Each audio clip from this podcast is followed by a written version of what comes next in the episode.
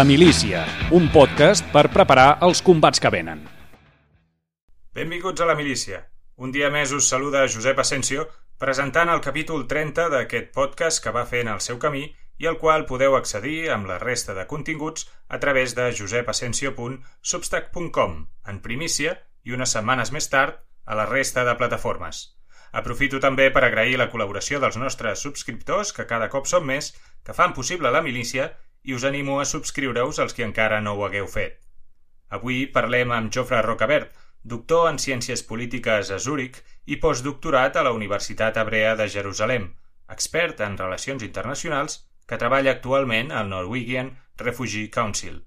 Vam enregistrar la conversa abans del tour llatinoamericà del president aragonès i per tant no el vam poder comentar, però la nostra conversa sobre cooperació en global i també en concret sobre el món de la cooperació catalana ajudarà, crec, a relacionar aquestes visites del govern català amb alguns dels problemes vinculats a la política exterior del nostre país. Les ajudes al desenvolupament són un sector econòmic nascut als anys 60 en un context històric molt determinat i en Jofre ens en farà una pinzellada per tal de copsar la seva influència, tant a casa com a fora, a l'hora d'establir relacions internacionals.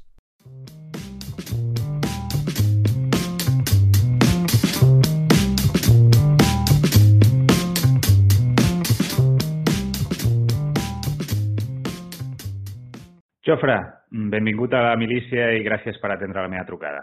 Moltes gràcies a tu per convidar-me.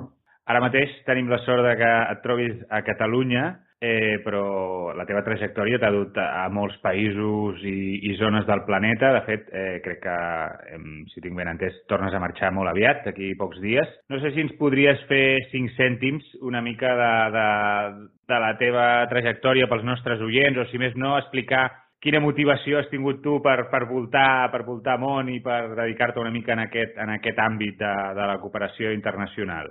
Sí, jo de fet, de fet vaig caure, com passa tantes vegades a la vida, vaig caure a la cooperació de manera, doncs, eh, per atzar, no? Jo, jo tenia una trajectòria acadèmica, de fet vaig, vaig fer, després d'estudiar aquí a Barcelona, vaig fer el, el màster i el doctorat a Alemanya i a Suïssa i, i després vaig fer un, un any postdoctoral a, a Jerusalem.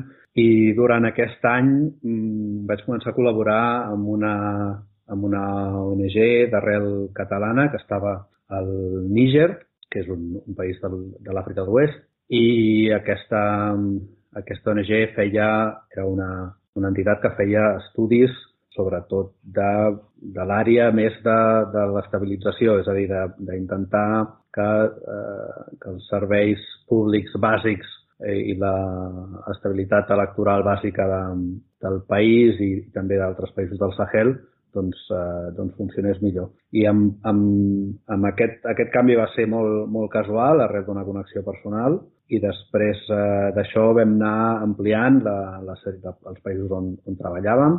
Vam passar a treballar també a l'Àfrica de, de l'Est i, i del Sud i, i finalment vaig aterrar doncs, en aquesta posició on, on soc ara, el, el sector humanitari, que ja, que ja explicarem, és una mica diferent al sector del desenvolupament. I amb tot això, eh, jo vaig, vaig estar mm, molts anys a, a Suïssa i ara fa un parell d'anys eh, amb l'Abel Riu, el Miquel Vila i, i altra gent vam fundar el Catalonia Global Institute que ens permet doncs, explicar les relacions internacionals eh, des de Catalunya d'una manera una mica diferent. Veig, veig que em serveixes la pilota al peu perquè anava a mencionar precisament a l'origen de la nostra conversa d'avui hi ha un article que vas publicar al, al, al lloc web a, on, on publiqueu els vostres informes i, i reportatges del Catalonia Global Institute, aquest think tank que, que com deies, de, de Relacions Internacionals, del qual ets un dels fundadors, i aquest article es deia, es diu, què falla en el model català de cooperació al desenvolupament. És un interrogant doncs, eh, que també mirarem de, de respondre avui. En aquell article ho fas, eh, jo crec que prou bé. El penjaré eh, quan, quan hagi publicat aquesta conversa, el penjaré a, a la web perquè tothom el pugui llegir. Eh, però abans, i per començar, m'agradaria situar una mica el debat eh, al punt de partida. Sentim a parlar molt això de cooperació, d'ajuda al desenvolupament. Segurament no són coses exactament eh, sinònimes. Eh, no sé si ens podries ajudar a definir exactament què és què, crec que una de les primeres distincions que, que hauríem d'aprendre, eh, m'ho vas comentar això quan preparàvem aquest capítol, és, entre, és la que hi ha entre cooperació i ajut humanitària. No sé si vols començar per aquí. Sí, suposo que són, bueno, són conceptes que, que poden anar dins un, un, un dins de l'altre. No? L'ajuda la, oficial al desenvolupament en realitat són, eh, inclou la cooperació, el que normalment es diu la cooperació al desenvolupament, inclou l'ajut humanitari, inclou altres, eh, altres coses, per exemple, crèdits eh, que es donen en crèdits preferents eh, o altres, altres formes de finançament que es donen eh, normalment doncs, de països que en podem dir desenvolupats o de països més rics, que no necessàriament occidentals, que això és important, a, a països eh, amb, amb un desenvolupament humà més, més baix. Això, hi ha, hi ha diferents eh, sectors, no? És un, és un món molt gran, és un món que constitueix per molts països mm, menys desenvolupats una part molt important de la seva economia i, i dintre d'aquest món, com, com deies, hi ha... Bueno, bàsicament es pot, es pot distingir tres coses, no? L'ajut humanitari, que és, que és aquest ajut més, més directe, més immediat eh, en una crisi on, on el patiment humà s'agreuja. Hi ha la cooperació al desenvolupament pot incloure moltes coses. Normalment són el que, el que en realitat els països d'origen d'aquests diners podrien ser programes socials o podrien ser ajuts a l'emprenedoria o podrien ser ajuts a, a, a l'organització, diguéssim, de, de, de cooperatives, a, a, la, a la reforma de serveis públics, tot això. I després hi ha un tercer element que, que moltes vegades va inclòs dins de la cooperació al desenvolupament, però que no és exactament igual, que és, eh, que és tot, el, tot el món de l'ajut, la, diguéssim, de, a estabilització o l'ajut a les transicions polítiques o la, la, violen, la prevenció de la violència electoral. Eh, en el fons és un, és, és un element més polític, fins i tot mm, prevenció del terrorisme, però que passa sovint no, dins de, dins de la cooperació. Per tant, eh, bueno, és un... És un aquest és aquest molt... últim, perdona, perdona que t'interrompi, aquest últim és el que deies que és el que t'havies dedicat més a, eh, anteriorment, no? En la teva etapa... Sí, en la meva etapa anterior jo m'havia dedicat sobretot en, sobretot en aquest sector perquè hi ha, un, bueno, hi ha una necessitat gran i un interès gran eh, de, de països occidentals, sobretot Estats Units, en l'estabilització eh, en l'estabilització de, de països de l'Àfrica occidental sobretot el Sahel, perquè és una zona molt volàtil, eh, una zona on l'últim any i mig hi ha hagut cinc cops d'estat i, i tradicionalment ha sigut una zona de trànsit de migrants cap a Europa i això ha fet que hi hagués un interès molt gran per part de, de potències occidentals en, en mantenir una certa estabilitat política a la regió. Fa temps que hi vas, a aquella zona, al Sahel. De fet, vaig dedicar-li un, un, un podcast al Sahel, però sí que és veritat que és una zona que és, és, és conflictiva, que Vull dir que és, molt, és interessant per, per molts factors, no gens menys, vull dir, no el menys interessant és la seva cultura i la seva i el seu desenvolupament propi, eh? Vull dir, no és només la mirada que hi aboquem des de fora. No sé si és això, si fa molt de temps que... Bueno, no, relativament. Uh, vaig, vaig començar, ja et dic, jo, jo estava fent la meva estada postdoctoral el 2018 uh, eh, i vaig començar a treballar en, en contacte amb el, amb el Níger i, i Mali en, en, aquell, en aquell moment. Vull dir, no, relativament, fa, fa alguns anys. Val, doncs reprenent una mica el fil, aquestes tres branques que ens deies, entenc que mm, el gruix, eh, si parléssim de volum de, de, de capital o de, de, de recursos abocats, el, el gruix aniria destinat a cooperació o més aviat a ajut humanitari? Així, des, de, des del desconeixement no, no és... No, el, a veure, el gruix, el gruix de fet va destinat a crèdit, perquè crèdit. Tot, tots aquests crèdits um, diferents formes de crèdit eh, realment en, en, en volum són més grans. Eh, L'ajut humanitari és, és molt important, però tampoc és el, tampoc és el més car. I, I a nivell de cooperació sí que hi ha moltíssims, eh, centenars de, de, de milers de milions abocats en cooperació, però, però de manera molt desigual. No? De fet, per, per, per, per organitzar-nos una mica o per fer un mapa mental ràpid de com funciona eh, tot aquest món, hi ha molts països, de fet, gairebé un terç de països del món tenen agències de cooperació, és a dir, que destinen part dels seus recursos en aquest, en aquest sector o fer aquest tipus de polítiques a tercers països, però de fet hi ha dues grans, dues grans uh, agències que són USAID, l'agència americana i el GIZ, l'agència alemanya, que, que tenen un pressupost molt més alt que els, els, que els altres. Eh? USAID té un pressupost de 27.000 milions d'euros l'any, que, és, uh, que és molt. USAID és un, de fet, això en, en podem parlar, és un, és un fruit de, de la guerra cultural de, a l'entorn de la guerra del, del Vietnam dels anys 60. Eh, és un moment on es creen moltes d'aquestes agències. Alemanya ho va fer després, però també ha fet, ha fet d'això una part molt central de la seva política exterior. Que, en el cas dels Estats Units entenc que va molt vinculat, com deies, a la, a la Guerra Freda, no? Entenc que en aquell moment per fer virar una mica alguns, alguns països eh, d'aquests que se'n deien en aquell moment no alineats, no? No sé si... No sé si vaig bé o no, eh? però entenc que sorgeix una mica d'aquí el, el tema dels Estats Units. Sí, eh, sí, però sí, i, no, i, no, i, so, i sobretot de la, de la, dels efectes de la guerra de Vietnam i, i, i de provar de fer una política exterior que, que, que fos basada en l'atracció la, en o basada en la... En aquell moment s'entenia una, una mena de beneficència cap, a, cap al patiment que havia deixat, diguéssim, el desgavell de la descolonització a, a tot Àfrica i, i després va ampliar Amèrica Llatina, etc. Però bueno, això, per organitzar el, el, el mapa mental de com funciona el sector, hi ha, hi ha aquestes agències molt grans, i després hi ha moltíssimes altres agències eh, de països i, i com crec que parlarem no només de països sinó també de molts, eh, de molts altres ens públics eh, de, de qualsevol nivell. En el cas d'Espanya, Espanya té una agència de cooperació força gran de 500 milions d'euros l'any i a més a més les comunitats autònomes també tenen agències de cooperació, almenys algunes, i en el cas català doncs, tenim eh, també el nostre propi sistema de, de cooperació.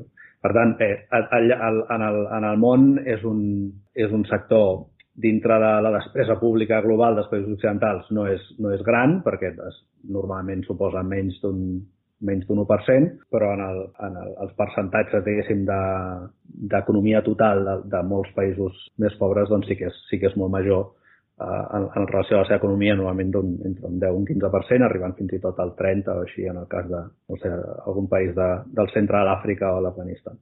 I el que és rellevant també d'entendre, de, per situar el panorama general, és que la cooperació s'està transformant moltíssim i, i hi ha un, una onada molt interessant a molts nivells de, de, de, la, de cooperacions de països eh, no occidentals. Hi ha, hi ha cooperacions o projectes projectes de, de tot tipus de països com Turquia, països del Golf, eh, l'Iran, que evidentment l'utilitzen, la Xina, que l'utilitzen amb, amb els seus interessos polítics, no? com, com fan tots els països. Però, però el cas de la Xina potser és el, el, el més habitual, el que escoltem més habitualment, no? La, la relació de la Xina amb, amb països africans, per exemple, és un, és un d'aquells titulars o d'aquelles notícies que, que no sé fins a quin punt també forma part de, bueno, del joc d'aquest de les narratives eh, de la premsa o vull dir, no sé fins a quin punt és real. Eh,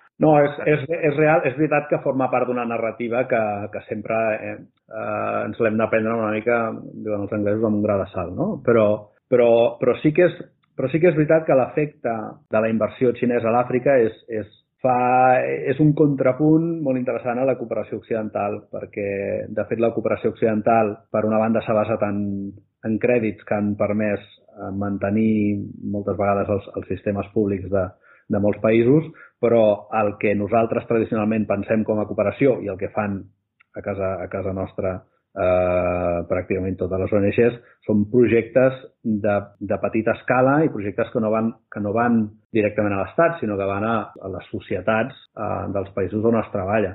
I en canvi el model xinès, que no sé si la pot dir cooperació, o si, de fet no s'entén no, no s'entén normalment com, com a cooperació, no? però aquest, aquest model de desenvolupament, diguéssim, eh, xinès, doncs s'ha basat en, en grans inversions en, en infraestructures amb grans inversions a crèdit, eh? no, vull dir, no, no regalades. Eh, però, clar, ha, ha tingut un efecte molt més ràpid i molt més notable, si més no, en el, la transformació aparent de les economies de, de moltíssims països africans, però potser l'est de l'Àfrica és on més s'ha notat, no? Kènia, Kènia sobretot i...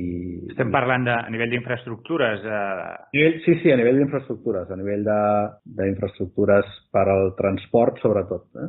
El, el, el tren eh, de Mombasa a Nairobi, per exemple, eh, l'autopista, les, les rondes de Nairobi, eh, tot això és inversió xinesa, els ports eh, de l'Àfrica Occidental, el, el port de Lagos, són, són molt notòries perquè són infraestructures que han tingut una, un, un impacte molt immediat. Ara està per veure si, si són sostenibles econòmicament i si, i si aquests crèdits acabaran funcionant o no de moment sembla que les expectatives eren eh, exagerades i que aquests crèdits eh, tindran problemes per pagar-se, igual que van tenir problemes per pagar-se crèdits occidentals anteriors. Eh? I, de fet, els països africans estan més endeutats encara amb, amb Occident que no pas amb, amb Xina. Però bueno. Sí, no, no, anava a dir que aquí, ja, quan es llegeixen aquest tipus de notícies, això sempre hi ha aquest, allò vinculat a aquesta, aquest relat o aquesta d'allò de no, és que clar, els xinesos volen controlar i clar, fet des de segons quins països sona una mica ridícul, no?, quan en realitat és el que, el que han estat fent eh, els països occidentals a través d'institucions com, com el Fons Monetari Internacional, per exemple, que ha sigut això que deies tu, de, de, de donar crèdit, però a la vegada vinculat també a segons a segons quin, quines infraestructures o segons quins recursos, mm, per exemple, energètics, etc que, que ha comportat que al final no deixi d'haver-hi una certa tutela de segons, eh, això, segons quins recursos africans per part d'Occident, no? No sé si és un... Vull dir, aquesta lectura que fem de vegades de, de l'ajuda xinesa a l'Àfrica una mica hipòcrita, no sé com ho veus tu. Sí, és, és a dir, el, el, el, suposo que en el fons eh, hi, ha una, hi, ha, hi ha una diferència en la manera en què el, la, la inversió xinesa ha vingut acompanyada moltes vegades d'un control més o menys explícit de l'elit política eh, d'aquests països, cosa que, cosa que els països occidentals o, o, o l'ajuda a la cooperació occidental mm, normalment no fa. De fet, ja per tornar cap al tema, eh, l'ajuda humanitària té, té constantment problemes amb les autoritats locals i té molt poca influència sobre les autoritats locals, encara que, que hi, ha, hi havesi molts diners en un, en un país determinat. No? Eh, en canvi, potser sí que, que altres, altres països doncs, condicionen més aquesta ajuda a una, a una relació més, no sé, no sé com definir-ho, però vull dir que més, més encarregada amb, amb, amb, amb les elites locals. De totes maneres, sí, el, context, el context general és que, és que tothom qui ha fet diguéssim, grans inversions a, a l'Àfrica doncs n'ha esperat eh, alguna cosa. No? Però això, però això no, no ens ha de fer perdre de perspectiva que en realitat en el sector humanitari de la cooperació, però sobretot humanitari, hi ha molts països que, que donen grans quantitats de recursos amb, sense una voluntat intercanvista. És a dir, no, els països nòrdics, sobretot, avesen molts recursos a, a pal·liar patiment humà a, a, a, molts, a moltes crisis, no de l'Àfrica, sinó a tot el món, amb una estratègia de política exterior que, que està deslligada de tot això. Almenys en allò concret, evidentment en allò diguéssim, més general, doncs sempre projectes una, una imatge com a, com a país que, que, que, que es preocupa per, per, per aquestes coses, no? O, o per la humanitat en general. Però més enllà d'això, sí que, sí que és força diferent. Clar, tenint en compte una mica el, aquestes distincions que ens has fet i el, el context general el dibuix, no? aquests 27.000 milions de, de l'USAID eh, se m'ha quedat, se quedat gravat, eh, però bueno, aquest context general que ens explicaves ara, eh, potser crec que seria bo per portar-ho a la pràctica, agafar el, el teu article no? I, i parlar una mica eh, del nostre context, de, del nostre petit país, que no és tan petit com diuen, però, però que en aquest cas, precisament, i ara quan estaves comentant el tema de, de l'ajuda humanitària per part dels països nòrdics, no? que deies que bueno, la seva política exterior eh, no estava vinculada a treure un rendiment, però, però hi, havia, hi havia algun criteri. No? Eh, I això és una de les coses que tu, amb aquell article, eh, doncs, eh, deies que, que mancava a, en les institucions o en, a nivell global a, en la cooperació catalana. Faltava un criteri general eh, de, de política exterior. No sé si vols començar per aquí o, o fem un dibuix així... No, és, és, és començar pel moll de l'os, però, però ho podem abordar.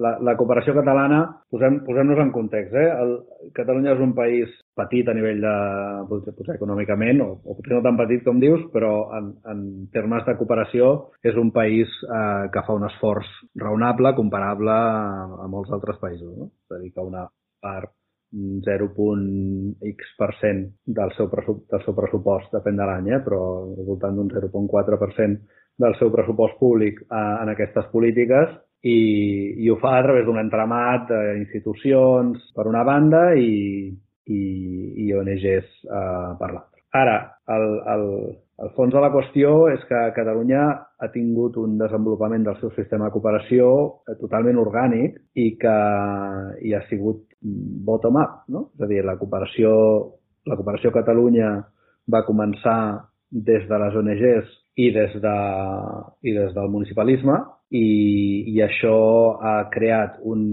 un sector, un sector, diguéssim, un tercer sector del desenvolupament, un sector de les ONGs, que és, que és molt potent i que, més enllà de les estructures que ha creat el govern autonòmic per, uh, per canalitzar o per finançar aquesta cooperació, doncs, doncs el govern no, no ha fixat mai una prioritat política més enllà de les prioritats que ja tenien establertes aquestes, aquestes organitzacions que, que duen a terme la cooperació i això el que ha provocat és un, un, una mena de... bueno, eh, jo, jo crec que de problema de salut, de salubritat del, del, del servei públic o de la, del lideratge del govern quan les prioritats en matèria de cooperació no es decideixen per criteris polítics, sinó que es decideixen per criteris de cooptació d'aquestes organitzacions que, que els imposen totalment. No? Això, això seria el, el missatge principal. Eh?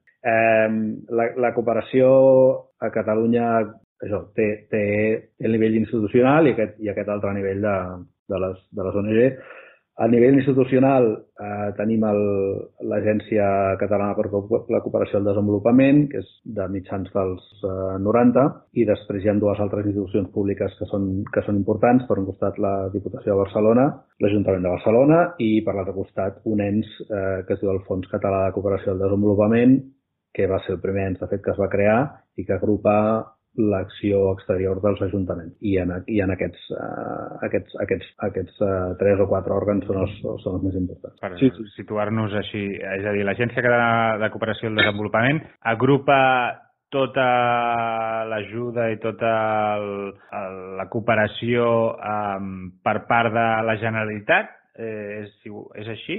I llavors el sí. que seria el Fons Català de Cooperació és més a nivell municipal? És aquesta la distinció? A veure, la, la, la Generalitat fa cooperació o fa acció exterior des de diferents departaments, no, no només el Departament d'Exteriors, de, que és d'on penja l'Agència Catalana de Cooperació, eh, Salut també també té pressupost destinat a això, hi ha, hi ha altres, eh? i de fet hi ha una comissió interdepartamental no? que es dedica a la, a la coordinació d'aquests elements. Però sí, l'agència la, és la que concentra les, les subvencions a les ONG la cooperació en, en, es fa de, de maneres diferents en diferents, en diferents països. Ja dic, per exemple, hi ha altres països, Alemanya sobretot, o fins i tot els països nòrdics, que la, la cooperació és més, és més directa, és a dir, l'agència eh, de cooperació de torn eh, implementa directament o implementa a través de, diguéssim, de contractes, de contractes públics, però implementa projectes propis, és a dir, decideix els projectes que es vol fer i després eh, o els executa directament o algú altre els executa. I després hi ha un model, que és el model català, que, que està basat en, en bona part en subvencions a, a ONGs que tenen projectes propis i que presenten aquests projectes a l'Agència Catalana de Cooperació i aquests projectes són financiats. Per tant, i, per, i és, i és d'aquí d'on neix el, la situació en què jo denunciava l'article, que és aquesta manca de focalització o manca d'estratègia de la Generalitat que no, que no preveu una coordinació sectorial o geogràfica de la seva acció exterior i la seva acció de cooperació i que deixa en mans d'aquest seguit d'organitzacions eh, les prioritats, les, les prioritats que, que, que finalment s'acaben executant. I per altra banda, eh, contestant el, el, el Fons Català de Cooperació és, és, és un òrgan municipalista on, eh, diguéssim, que coordina l'acció exterior dels ajuntaments. El que passa que aquest, aquest, un, un dels problemes que, que té el, el sector català amb, amb això és que a, aquest òrgan eh, ha aconseguit eh, una independència política, jo crec que bastant inexplicable, i, i ara mateix es dedica a, a fer una feina gairebé de, de lobby polític. I de fet, si, si en podem parlar una mica més de concreció, però es, es dedica a fer, a fer una, un tipus de el que ells en diuen educació pel, pel, per la cooperació, és a dir, de promoció del, de l'acció per la cooperació en, en ella mateixa. I a més a més es focalitza o pren posicions molt, molt polítiques en, en conflictes que, que Catalunya potser no, no hauria de tenir una, una, una posició a través dels ens públics eh, d'aquesta manera. No? És, un, és una tendència que, que contamina tot el sistema català de cooperació, que és una tendència a focalitzar-se sempre en els mateixos conflictes, en els mateixos països i, i a tenir una, un, un tipus de, diguéssim, una agenda política que rep finançament independentment de qui governi. És a dir, aquests dos, aquest, aquest ens, per exemple, en particular, té una posició política sobre el conflicte àrab-israelià, sobre el conflicte kurd, sobre el conflicte eh, al Sàhara Occidental, etc amb una agenda política claríssima i amb una feina de, de lobby polític claríssim i rep eh, sempre la mateixa finançació, mani qui mani a qualsevol ajuntament que el financi. Per tant, està totalment fora de, fora de control i és un ens polític en, en ell mateix. Clar, pel que anaves dient, al principi has començat, eh, has començat comentant que que en realitat l'estructura aquesta de cooperació catalana, com tantes coses eh, a, a Catalunya, neix de, de baix a dalt, no? I això, eh, ara, mentre deies això, aquesta, aquesta feina de lobby eh, que, que comentaves que, que tenien eh, que tenia una part del sector, eh, em feia pensar això, no? que si en realitat no totes, eh? Vull dir, si algunes organitzacions o gran part de les organitzacions tenen una, una agenda determinada que és, diguéssim, que surt de la base, de la base i que des de fa 30-40 anys té una mirada determinada sobre uns determinats conflictes polítics eh, que segueixen sent els mateixos i que alguns, com per exemple el, el que deies, no? a, a Israel, Palestina, eh, doncs que, que són conflictes tan, vull dir, una, un abast tan complex i, tan, i, i d'una aturada tan llarga que al final eh, em, em dona la sensació, vist des de fora, eh, totalment, que, que una mica el, el kit de la qüestió ve d'aquí, no? que si, si al final eh, hi ha el, les mateixes ONGs o les mateixes entitats que fan la mateixa feina des de fa tant de temps i que són a l'origen o a la base de la cooperació catalana, eh, al final eh, la cooperació catalana ha crescut amb aquestes organitzacions i, per tant, és molt difícil que, que de canviar les, les, les, les prioritats o les orientacions o és molt difícil o no s'ha intentat, eh? que això ja potser seria una altra fase de, de la nostra conversa. Sí, no, i, i de fet, a veure, posem-nos posem-nos una mica en context, eh? passa a totes les democràcies que hi ha sectors eh, més, més, més infiltrats o més, o més avasats a, a, a, un, a un tipus de, de perfil polític i que, per tant, diguéssim, el, la gent que hi treballa ja ve d'uns llocs determinats i, i, i, i això. No? En el cas, eh, i això passa amb, passa amb tot, eh? i passa amb molts sectors de, molt, de molta més rellevància que la cooperació. Simplement el, el, cas, de, el cas de la cooperació és, és un cas una mica paradigmàtic perquè perquè, de fet, la, la, la Generalitat no, no ha exercit mai un, un control sobre les prioritats d'aquestes organitzacions a les que financia, sinó que ha acceptat, eh, per una banda, ha acceptat les seves prioritats, que, que no han canviat pràcticament gens en els últims 30 anys, sempre són els mateixos, eh, els mateixos cinc països que, que reben finançament o, o, o més finançament, i per altra banda, la Generalitat ha, ha fet allò que també fa de fet, amb, molt, amb, molt, amb molts altres, amb molts altres eh, elements de la, de la seva activitat exterior, que és eh, posicionar-se com, el, com, com una mena de eh, replicador acrític de consens occidental en les prioritats polítiques sense plantejar-se primer què hi pot fer Catalunya des, de la seva, des del seu tamany i des de la seva posició geopolítica, eh, diguéssim, on és Catalunya més, més, més eficaç, eh, amb el pressupost que tenim, què podem fer efectivament, i, i segon, eh, eh, quines són, quines són les, les prioritats de política exterior que ressonen amb els eh, valors que es, que es vulguin projectar des de la política de cooperació. És a dir, per exemple, i per aterrar una mica, eh, la política de cooperació catalana està totalment basada en fer feina de, eh, diguéssim, de la producció, de la, de la, per exemple, l'organització cooperativista de, de sectors com no sé, l'artesania, la pesca, la, qualsevol sector econòmic de països, de, del sempre dels mateixos països, eh, està, està molt basada en fer en fer tasques de suport a defensors dels drets humans, a Amèrica Llatina, sobretot, etc. I això, I això està bé, però perd una oportunitat molt important de situar Catalunya en contacte amb altres elements de la, de la cooperació o amb, amb, amb, amb altres sectors que podrien potser eh, tenir un major retorn pels, pels recursos que s'hi que s'hi dediquen i, a més a més, situar Catalunya com un, com un actor eh, amb, amb, veu, que, amb una veu que estigui més, més directament relacionada amb els governs dels països on, on s'actua. Per exemple, en lloc de, eh, de dedicar-se només a, a, a finançar ONGs que fan projectes d'aquest tipus, per què no es donen serveis, serveis més directament eh, d'assessoria, de, de gestió pública, serveis d'un altre tipus que, on, on Catalunya pugui aportar i, i, que, i que tinguin una mica més de projecció exterior. Al final, el que, que no s'ha fet en els últims 30 anys és pensar què pot, eh, què pot aportar Catalunya i què vol aportar Catalunya amb les, amb les seves possibilitats i la seva posició, sinó que s'han assumit, eh, per exemple, quan van sortir el 2015 els objectius de desenvolupament sostenible, doncs s'ha assumit els objectius de desenvolupament sostenible com a meta de forma no, no només crítica, sinó irracional en el sentit que Catalunya és un país molt petit que no pot plantejar-se realísticament contribuir a, a, als objectius que així en general, no? com, a, com, a, com a tals. Això, això ha passat en l'acció exterior de la Generalitat, no només en, el,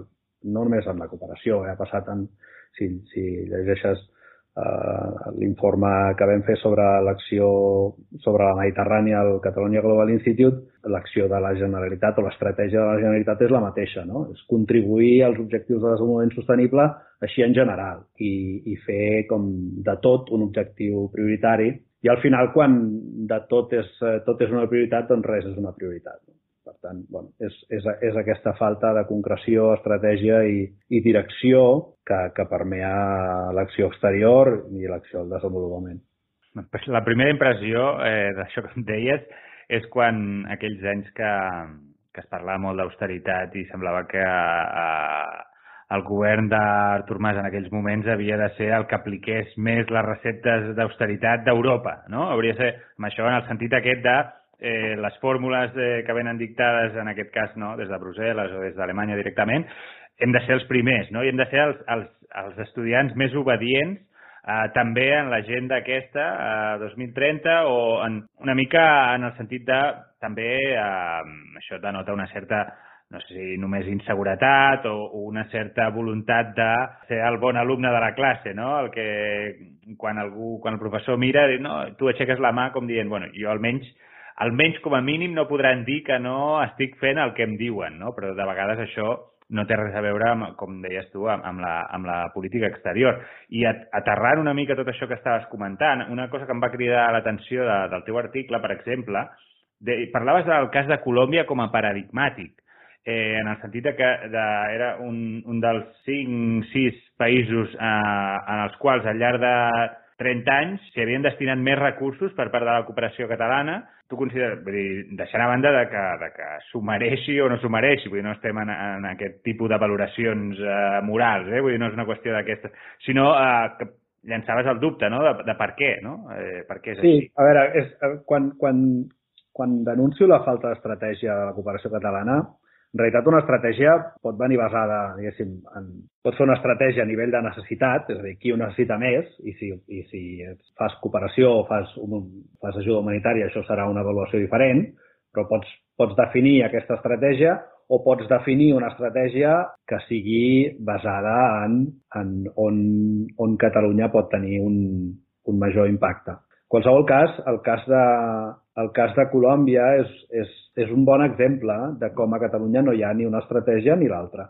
És a dir, no, Catalunya, eh, la, la raó per la qual s'ha fet eh, s'ha destinat recursos a Colòmbia i, i, i, a altres, i a altres països que han estat sempre els mateixos és, és simplement perquè ja s'hi havien destinat recursos i aquesta raó és perquè ja hi havien eh, ONGs que, que estaven organitzades en allà i, i això s'ha anat, com tots els, com tots els lobbies polítics, s'ha anat reforçant eh, en, una, en una relació amb, amb l'administració on, on aquestes entitats eren les que hi havia i, per tant, aquestes entitats eh, eren les que acaparaven les relacions amb el, amb el govern i, i, i fos quin fos el color polític del govern, aquestes, aquestes organitzacions eren sempre les que rebien els, el finançament. Però això és com un peix que es mossega la cua, no? És a dir, si primer hi ha una entitat o una ONG o que sigui que es dedica a aquell país, eh, i, i llavors eh, el, el govern de torn, no n'hi ha una, eh, n'hi ha moltes, eh, detecta que eh, l'especialització, per dir-ho així, eh, de les ONGs és en un país determinat, llavors les subvencions que dona són per aquell país determinat, llavors això el que fa no? és com és sí, com que sí, es, es, es sí, retroalimenta, no? No ha necessàriament així. O sigui, hi ha, mira, hi ha, en, un, en un repàs ràpid, per internet eh, hi ha unes, un centenar, una, entre 95 i un centenar d'organitzacions catalanes que tenen acció exterior, és a dir, que, que, que, que fan acció eh, pel desenvolupament. D'aquestes reben finançament, o almenys que, ho dic, que, que facin públic que reben finançament són unes 40, que no totes tenen números publicats, però bé, el, les que tenen números publicats Uh, la majoria reben una, una bona quantitat de diners, en, en, en total uns 9 milions d'euros, i sempre, i sempre acaben sent, les que reben més diners, sempre acaben sent les mateixes i sempre acaben sent uh, pels mateixos països per, perquè són les que tenen ja més força per, per um, més força política i més força també administrativa, etc per, per aconseguir finançament. És a dir, no hauria de ser necessàriament així, si el govern, en lloc d'establir com a criteri que ja hi ha capacitat en aquests països, que és un criteri que jo entenc que pugui ser un criteri, en el sentit de que, de que eh, no, no, no estic denunciant cap il·legalitat, eh? simplement ja hi ha, diguéssim, eh, capacitat en aquests països i, per tant, el govern eh, creu que és més eficient fer-ho en aquests països, però això l'únic que fa és eh, reforçar un sistema que és autoperpetuant i que, per tant, no deixa que el govern faci aquest, aquest, aquesta estratègia que per un costat eh, faci coherent l'acció exterior i l'acció del desenvolupament i per l'altre costat eh, intenti almenys repensar-la des d'això, des d'un dels dos punts de vista, o, o qui ho necessita més en base a, a valors que es puguin decidir o, o on és Catalunya més eficaç. La raó, la raó, que, la raó que ja hi hagi acció en un país determinat és una raó que es pot entendre però que té moltes, que és una mica una trampa perquè al final acabes fent acció exterior a uns països que, diguéssim, siguin quines siguin les circumstàncies geopolítiques entre tu i aquests països. I, i, això és un, i això és un element que treu molta força a l'acció exterior del país en general. Perquè sempre, perquè hi ha un, hi ha un lligam, diguéssim, inamovible entre uh, la cooperació catalana i, per exemple, hi ha el poble saharaui o el poble palestí o la violència política a Colòmbia, no? I aquests, i aquests temes, diguéssim, perennes, sembla que siguin temes que lliguin la projecció exterior de Catalunya en, en, en, aquestes, en aquestes posicions, quan això no hauria de ser així. Un govern, un govern, per molt autonòmic que sigui, hauria de tenir la, la capacitat de dissenyar una política exterior, incloent una política de cooperació amb criteris polítics i no amb criteris d'estar lligat sempre a les, a les mateixes organitzacions perquè ja hi eren, perquè són les que hi ha, perquè, no? perquè dominen el discurs polític. O sigui, el que fan les organitzacions, sobretot les coordinadores de les organitzacions del, del, del, de la cooperació, que són sobretot la, la que es diu la FEDE, l'Organització per la Justícia Global i el Fons Català de Desenvolupament, és, és amb, amb, aquestes, amb aquestes línies de treball inamovibles, doncs elles guanyen tota la flexibilitat del món per fer el que dèiem, un, un lobby polític, un lobby polític que no només critica constantment el seu finançador, sinó que, a més a més, eh, es, fica, es fica en temes molt delicats. És a dir, el, el fons fa molt poc encarrega una enquesta on comunica públicament que la ciutadania de Catalunya està a favor de buscar una, relació, una solució, no? de prioritzar la diplomàcia en el conflicte d'Ucraïna. És a dir, a, a, això és un, és un en, en front, diguéssim, de la solució de, de suportar militarment Ucraïna. No? Això és un posicionament polític molt extrem. Eh, i, i, i, amb, amb... I segurament finançat pel govern català, no? Suposo no, no, també, no, no, aquesta enquesta. Absolutament finançat per ens, pels ens públics catalans en general, no? És a dir, quan, no, no, només, no només perquè estigui absolutament posicionat amb el tema palestí i altres, sinó perquè, perquè diguéssim, té una, una connotació de l'acció la, exterior en general o, o, o diguéssim, de, de temes molt fonamentals per, al final per, per, per la Lliga de, de Nacions a les que Catalunya, diguéssim, hauria de, de voler pertànyer, no? I, i per tant, aquest tipus de, aquest tipus de feina de lobby polític que traspassa totalment l'esfera de la cooperació és, és, és un símptoma al final d'una captura eh, de, de la Generalitat per part d'aquests lobbies que està totalment desfrenada. No? En aquest cas jo diria que com a lobby eh, és, és, vull dir, fa bé la seva feina, no? En aquest sí, cas, sí, vull dir... El, el, el... No, no, no, totalment. És a dir, sí, sí, com a lobby fa bé la seva feina. Simplement, simplement en qualsevol sector, no només en el sector de la, de la cooperació, doncs eh, un observador públic ha de denunciar quan, quan un lobby determinat eh, s'enquista i, i, i fa, eh, alinea totalment, diguéssim, i perennament les, les seves prioritats polítiques amb, amb les prioritats d'un govern. I el, I el govern de la Generalitat no ha canviat les prioritats en cooperació en, en cap dels casos, fins i tot en les retallades de Mas, on, eh, diguéssim, hi va haver fins i tot una ocupació de l'Agència Catalana de Cooperació i un tall a la via laietana per part de les ONGs i es va acomiadar la meitat de la plantilla. La, tot les, les, les prioritats sectorials i geogràfiques tampoc van canviar. És a dir, no? Ja, el, pastit, el pastit era més petit, però va anar al mateix sí, sí, sí, sí, és a dir, no, no, això no ha canviat mai i, i governés qui governés són els ajuntaments que financien. És veritat que el fons al final són 2 milions d'euros l'any, que és molt petit i, i, i, i, de, i del tot insignificant al costat de la cooperació espanyola i altres, no? Però en tot cas, eh, bueno, és, és interessant com, com passa moltes vegades a Catalunya, doncs hi ha uns interessos que fan, diguéssim, que empatiteixen del tot a, la capacitat de la Generalitat per fixar eh, prioritats. I no sé si coincidiràs amb mi, que també em dóna la sensació que de vegades eh, la retòrica que va lligada a aquest tipus d'ajudes o de, de cooperació, que és una retòrica molt eh, de transformació social, no? de molt eh, pacifista fins a cert punt, és, és una retòrica que de vegades supleix eh, les mancances eh, polítiques òbvies que pot tenir la Generalitat, no? És a dir, en, en la mesura que a algú altre em fa el discurs si jo li pago, no? És, és com que em fa el discurs per mi. És com si la Generalitat també hagués subcontractat uh, en aquests termes la, la, la política exterior o la política de cooperació, la política exterior en el subapartat de la política de cooperació, eh? si la consideréssim així. Sí, totalment. I de fet, i de fet el, els, tots els temes en, el que, en els que aquest entramat d'organitzacions posen èmfasi, al final són temes que, que tenen una connotació pels catalans eh, molt òbvia, no? O que, o que despullen les frustracions dels catalans. És a dir, el, el, eh, el tema de la, de la cultura de la pau, no? que hi ha cinc o sis organitzacions dedicades a la, a l'educació per la pau i la cultura per la pau i tot això, i aquest és un eix prioritari de la, de la cooperació catalana, juntament amb el tema de, de, de gènere, però al final aquestes, aquestes organitzacions acaben fent un tipus d'educació per la pau que té poc a veure amb educació, diguéssim, de, de negociació internacional en un context de poder estatal o en un context de negociació militar o en un context on Catalunya podria, es podria, bueno, podria interessar. No?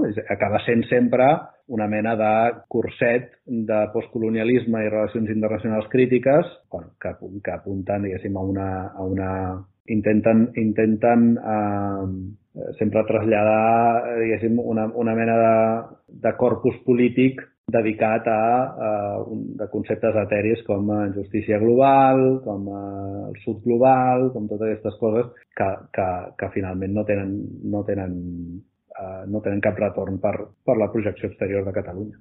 Si el missatge que ha de donar sobre la pau eh, el govern català ha de ser com entén eh, la pau aplicat en el conflicte català, doncs em sembla que no li farem cap bé a cap altre, a cap altre país, eh? però això ja és, ja és un comentari meu personal. Eh, hem, hem parlat una mica a grans trets sobre la cooperació catalana al voltant d'aquest article que, que, on parlaves de, de, de les mancances i de, dels d'algunes possibles propostes eh, que, que es podrien fer, que es podrien aplicar a, en la cooperació eh, catalana, però també comentàvem, eh, així, eh, preparant el, el programa d'avui, eh, em deies que eh, el futur de tot plegat, cito literalment, eh, em deies, el futur de tot plegat és incert si amb el trencament del ritme globalitzador els occidentals comencessin a votar governs que determinen que ajudar aporta més aviat poc. Eh, jo no sé si estaria bé potser per acabar eh, fer aquesta, aquesta, com a conclusió o com a missatge així de cara al, al futur, el que pot passar, aquesta idea que, que em llançaves tu. Sí, a, a veure, mm, l'ajuda al desenvolupament, l'ajuda humanitària, mm, porta moltes dècades amb aquest, amb aquest debat i, de fet, eh, l'ajuda humanitària va començar als, als 60 i als, i als 70 i la crisi dels 70 ja, ja, ja va provocar retallades en, el, en els pressupostos i això ha anat passant cíclicament. L'última vegada que va passar de manera més extrema va ser amb el govern de Boris Johnson, eh, on es va retallar pràcticament un terç del pressupost britànic en desenvolupament eh, i, i pot continuar passant. I aquí la, la qüestió és ja no, ja no és una qüestió, és a dir, ja hi ha dos temes. No? Primer hi ha una qüestió de mantenir... Al final és un, un, és un sector econòmic uh, per Occident. Eh? És, un, és un sector de la despesa pública on que, bueno, que mou una, unes, unes organitzacions i, i una manera de fer, una manera d'estar en el món occidental és també mm, tenir aquest sector actiu eh? I, i, i, i fer aquest tipus de coses. Que s'acabi això és, bueno, pot ser més o menys dramàtic per la gent que, que hi treballa, però, però és una qüestió relativament menor al costat de si s'acaba aquest tipus de relació internacional que consisteix en, en aquesta ajuda al desenvolupament o, o aquesta transferència al final econòmica o de, o de coneixements, eh, quina és la posició occidental en el món i qui aprofita aquest espai eh, aquest espai eh, és el que parlàvem al principi. Eh? Uh, aquest espai l'estan l'estan aprofitant els xinesos, però l'estan aprofitant molts altres actors. Turquia i el Golf són actors importantíssims a la banya d'Àfrica, per exemple. Uh, a l'Afganistan, qui té ambaixades obertes ara mateix? Turquia, el Golf, Iran. Si vols fer ajuda eh, humanitària a Afganistan, has de parlar amb aquests actors. Uh. És a dir, si, és, si, si, si es retalla molt o s'acaba el, el sector per conseqüència de, de, de governs europeus, diguéssim, que, que posen el fre de mà eh, en la política de cooperació, hi ha una part de la projecció exterior de, de, dels, dels països que queda descoberta i, per tant, i això té conseqüències eh, geopolítiques que jo crec que ara són, són imprevisibles. No hi ha un, igual que no hi ha un bon eh, contrafactual per pensar quins han sigut els efectes de la política de cooperació durant 50 anys, dir, són els països més rics o més pobres eh, per causa d'això. Tampoc ens podem imaginar bé què passaria si tot aquest, eh, tota aquesta ajuda i tot aquest coneixement, perquè no només és ajudes i no només són crèdits, sinó que són, diguéssim, eh, maneres d'organitzar sectors públics, etc. si tot això eh, doncs quedés en mans eh, de, d'estats amb maneres d'organitzar-se i cultures polítiques molt diferents. Potser amb aquesta reflexió que queda una mica a l'aire, però que queda com, bueno, per fer una mirada, hem fet una mirada general, també l'hem aterrat a, en el cas de Catalunya, que crec que és el que més ens interessa, però que hem pogut fer aquest, aquest, doble, aquest doble joc. Penso que, que pot, ser, pot ser útil pels nostres oients, eh, si com jo no, no tenen massa, massa idea d'aquest sector, eh, crec que en Jofre ens, ens has pogut donar una mirada molt, molt lúcida i, i, i una bona pinzellada general de, del que passa en aquest sector. No sé si això, t'has quedat amb alguna cosa al pap que volguessis afegir abans de, de que tanquem? Uh, no, simplement comentar que el Catalonia Global Institute uh, és, és una entitat privada que es financia sense fons públics i que té un Patreon obert, per tant, qualsevol oient doncs, està convidat a, a contribuir-hi. I res, moltíssimes gràcies per convidar-me al podcast. Així, així m'agrada, posant la falca de... Clar que sí, així ha de ser. Eh, doncs això, eh, ja l'heu sentit, si voleu col·laborar amb el Patreon del Catalonia Global Institute, ja ho sabeu, abans per això feu-vos subscriptors de la milícia, si de cas. I tant. En tot cas, eh, Jofre, moltes gràcies eh, per compartir aquesta estona amb nosaltres i fins la propera, que tinguis molt bon viatge. Moltes gràcies.